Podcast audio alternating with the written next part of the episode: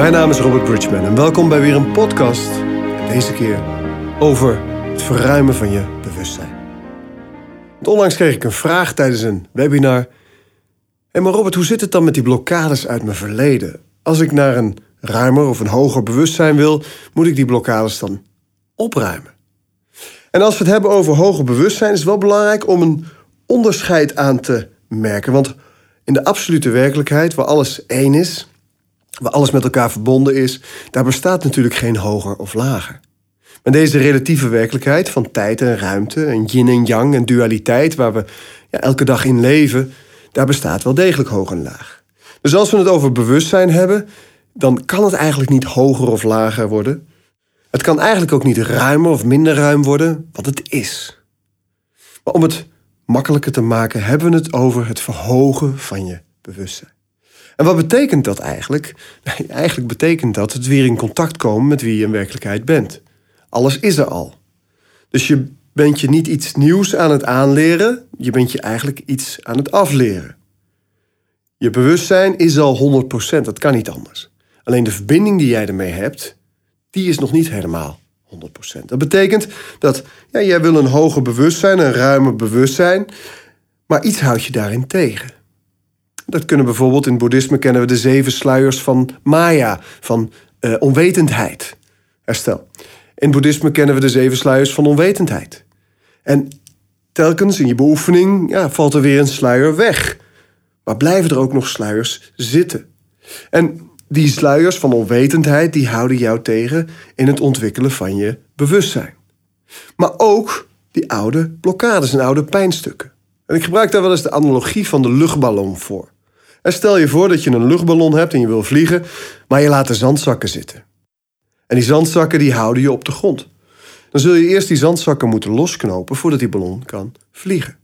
En zo is het ook met je oude pijnstukken, met je trauma's, je blokkades, je negatieve overtuigingen of beperkende overtuigingen. Want ja, dat zijn als de zandzakken, die trillen op een hele lage frequentie. Als je het hebt over woede, over verdriet, over angst, dat zijn hele lage frequenties.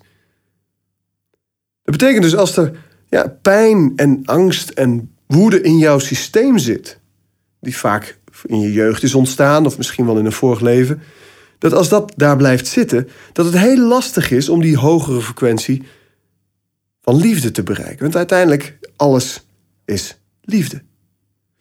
En hoe meer je die lage frequenties gaat opruimen, hoe meer je transformeert, hè, hoe meer je je woede transformeert, en je pijnstukken transformeert, je verdriet transformeert, je angst transformeert, hoe meer je naar die liefde toe groeit, die compassie, die wijsheid, hoe hoger je bewustzijn wordt.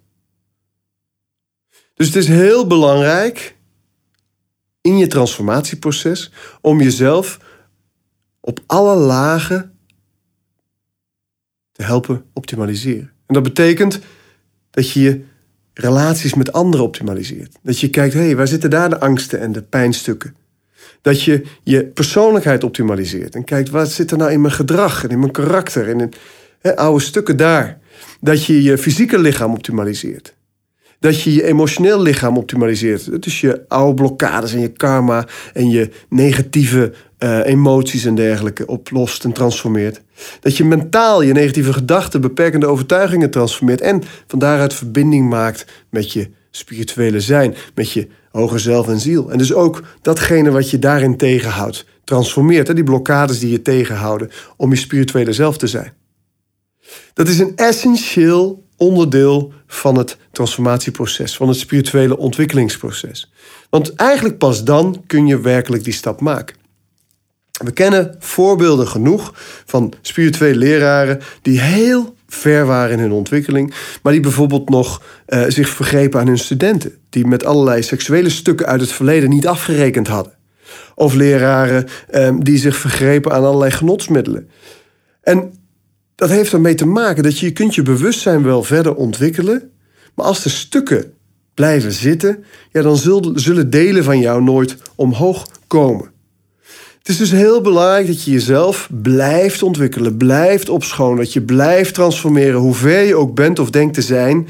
Het is een ongoing proces dat pas stopt op het moment dat je je lichaam uitdoet en doorgaat naar de volgende wereld. Dank voor je aandacht en heel graag tot de volgende podcast.